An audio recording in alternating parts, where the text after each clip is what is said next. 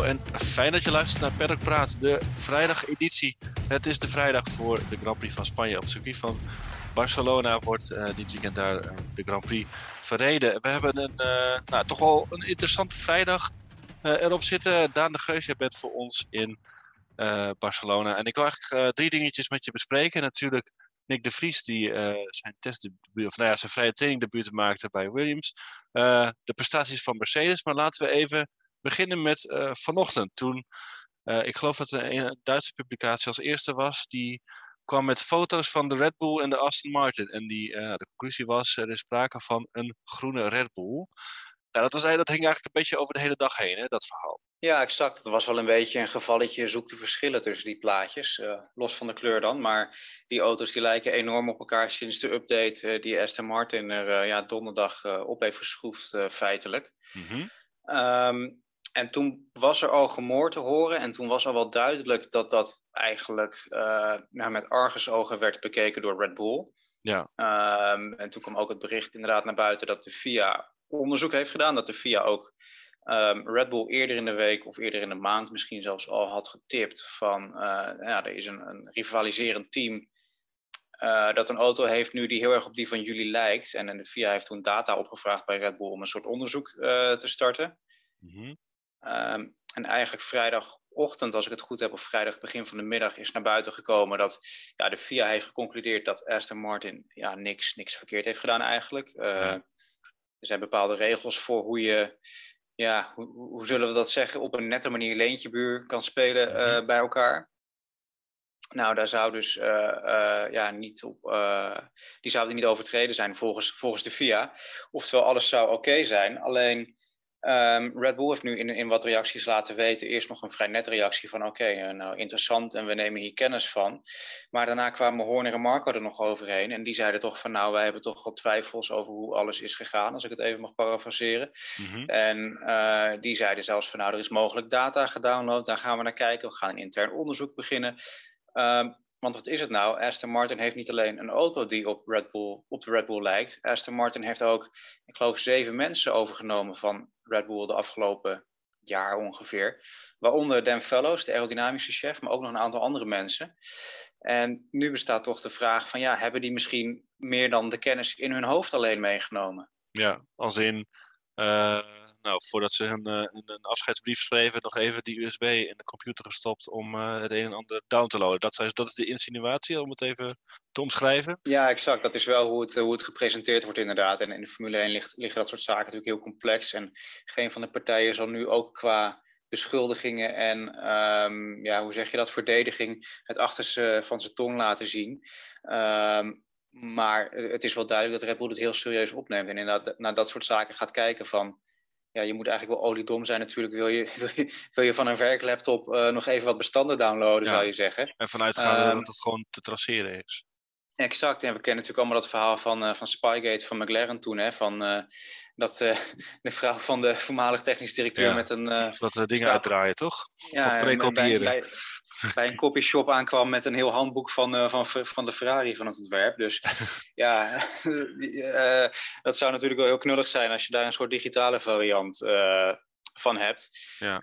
maar ja, alles wijst er toch wel op dat dit inderdaad wel een, een, een soap en een relletje gaat, gaat worden nu. En ja, Aston Martin heeft heel kort, heel korte verdediging gemaakt eigenlijk, gebezigd. Hè, van ja, wij zijn in november hier al mee begonnen en bla bla bla bla. bla. Um, toen was Dan Fellows overigens nog niet officieel in dienst van Aston Martin. Nee. Die is pas in april begonnen. En, ja, die, over, die overgang heeft ook heel lang geduurd. Hè? Daar is toch ook nog een, daar is ook een rechtszaak over geweest?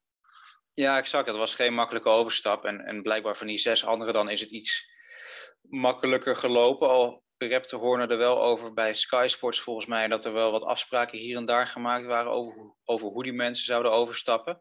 Ja. Um, je weet natuurlijk niet wie of wat en je, je, mag niet te zeer met de beschuldigende vinger wijzen nu natuurlijk, maar... Dat doet het zelf natuurlijk ook al. Precies, en, en, en aan de andere kant is Aston Martin natuurlijk als, uh, ja, voor, toen het nog Racing Point was, hè, uh, wel een team met een reputatie wat kopiëren betreft, want die heeft natuurlijk ja. ook gewoon een keer een Mercedes nagemaakt. Ja, die was die natuurlijk of dat is dan het verhaal, dat was een verdediging, dat hebben we gewoon gekocht, meen ik. Ja, dat was, uh, die hadden natuurlijk een goede relatie. Dus dat, ja. Ja, dat, dat was niet zo'n Dat was vanuit Mercedes uit in ieder geval niet zo'n probleem. Maar ja, Red Bull is echt uh, ja, wel enigszins gepikeerd. Ja, en dat begreep ik ook nog bij, uh, bij Sky, werd dat zo uitgelegd. Red Bull is natuurlijk ook gewoon bang dat Mercedes als nou ja, partnerteam uh, van, van Aston Martin dit soort dingen ook in handen zal krijgen. Dat is natuurlijk helemaal. Nou ja, staan de deuren wagenwijd open.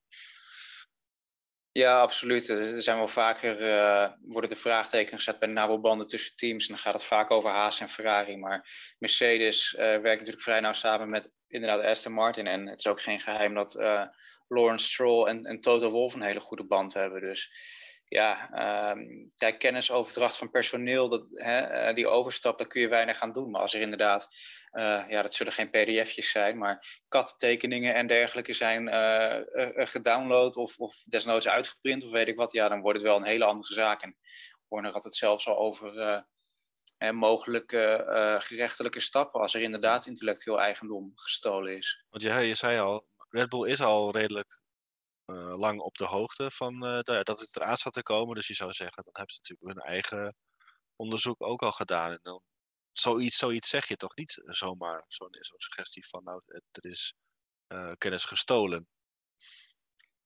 Nee, die suggestie, die krijg je niet. Het, het, voelt wel alsof het nu inderdaad echt deze week is, is, is losgebarsten wat dat betreft. Maar Red Bull wist natuurlijk wel al dat er personeel was overgestapt. En natuurlijk heb je te maken met zaken als, als gardening leave, en dat verplichte verlof. Ja. Uh, mensen die, op, die opzij worden gezet natuurlijk.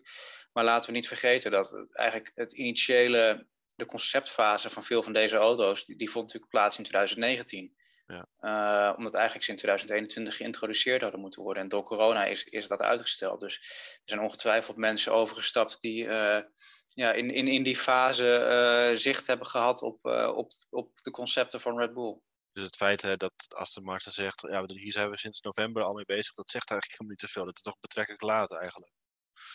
Als je het even, nou ja, wat je zegt, ja. ze waren al min of meer, uh, zaten, maar, nou niet klaar, maar, maar ze waren al, al een eind op weg.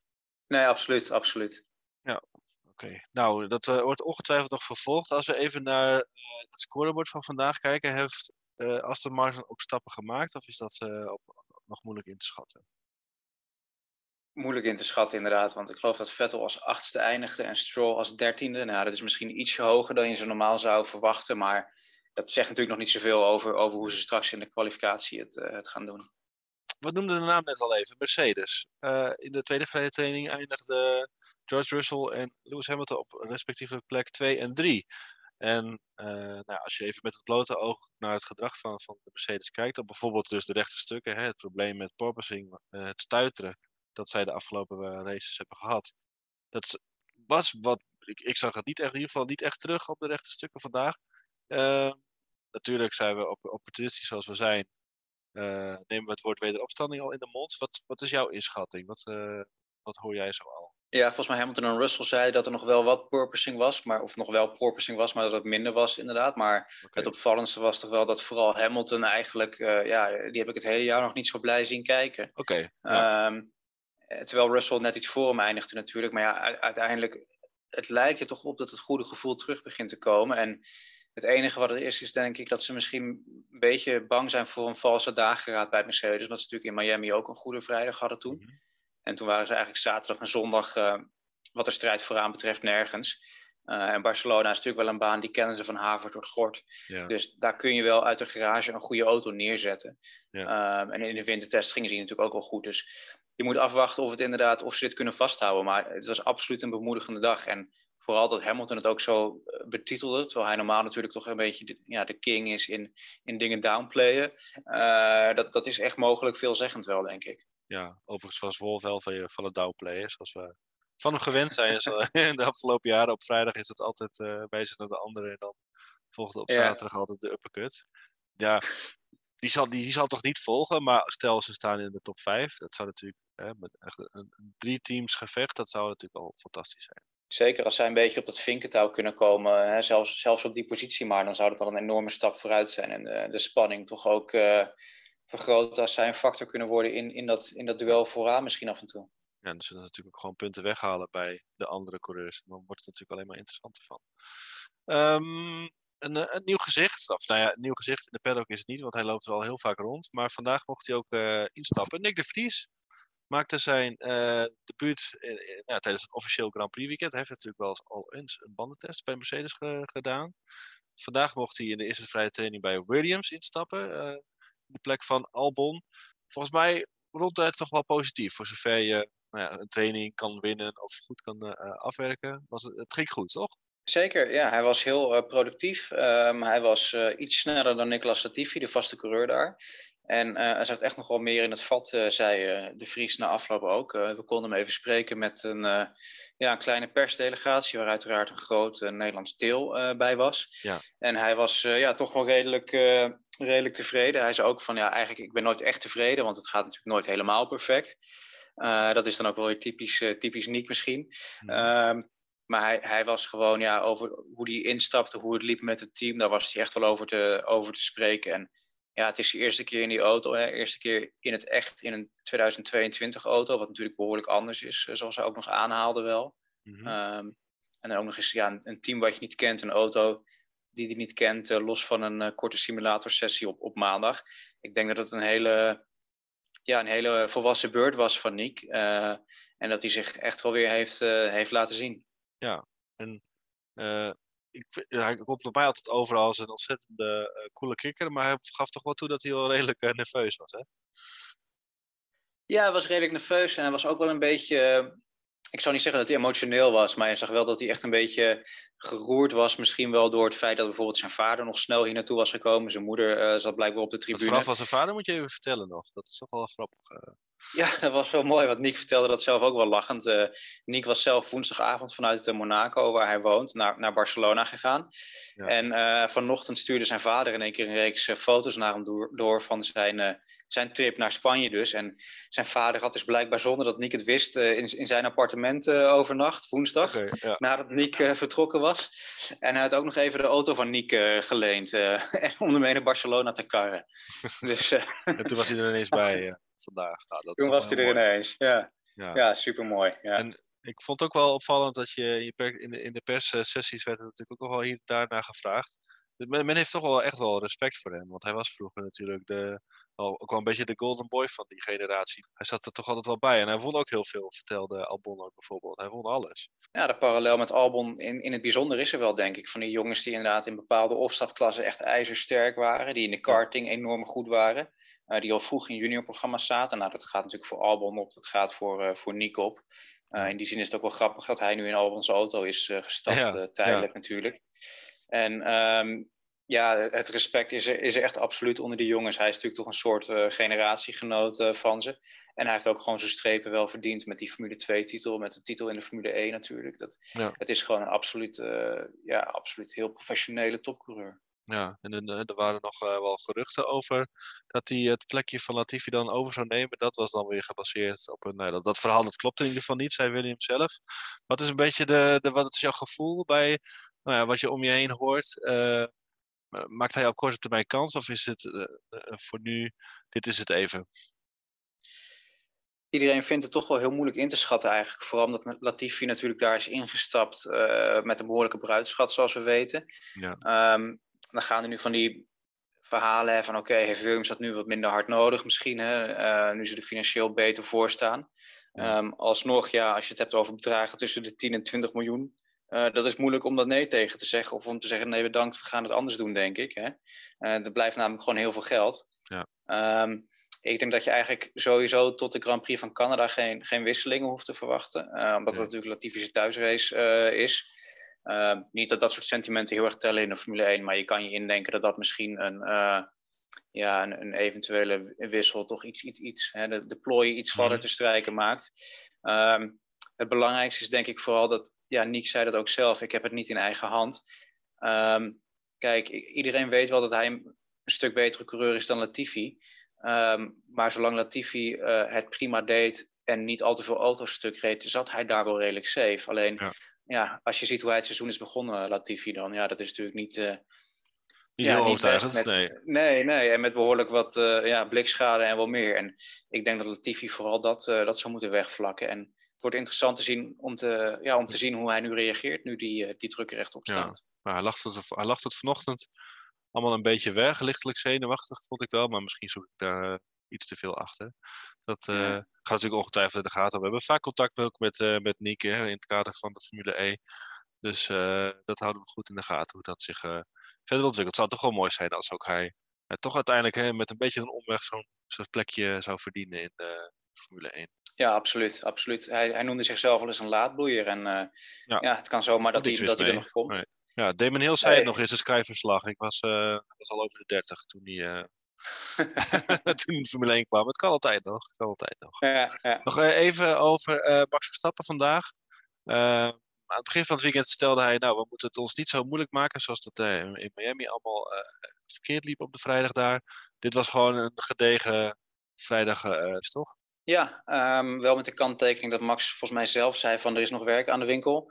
Um, nu zegt hij dat altijd allemaal... natuurlijk ook wel. Ja, ja precies. Ja. die, die Mercedes staan er natuurlijk tussen aan het eind van de dag dan. Uh, het leek inderdaad wel alsof, alsof er nog wat te vinden valt voor, voor Red Bull. Want we zijn eigenlijk niet gewend dat ze op, uh, wat is het, dik drie tiende van, uh, van Ferrari staan. Normaal is de closer natuurlijk. Mm -hmm. um, Ferrari dat wel een update heeft gebracht.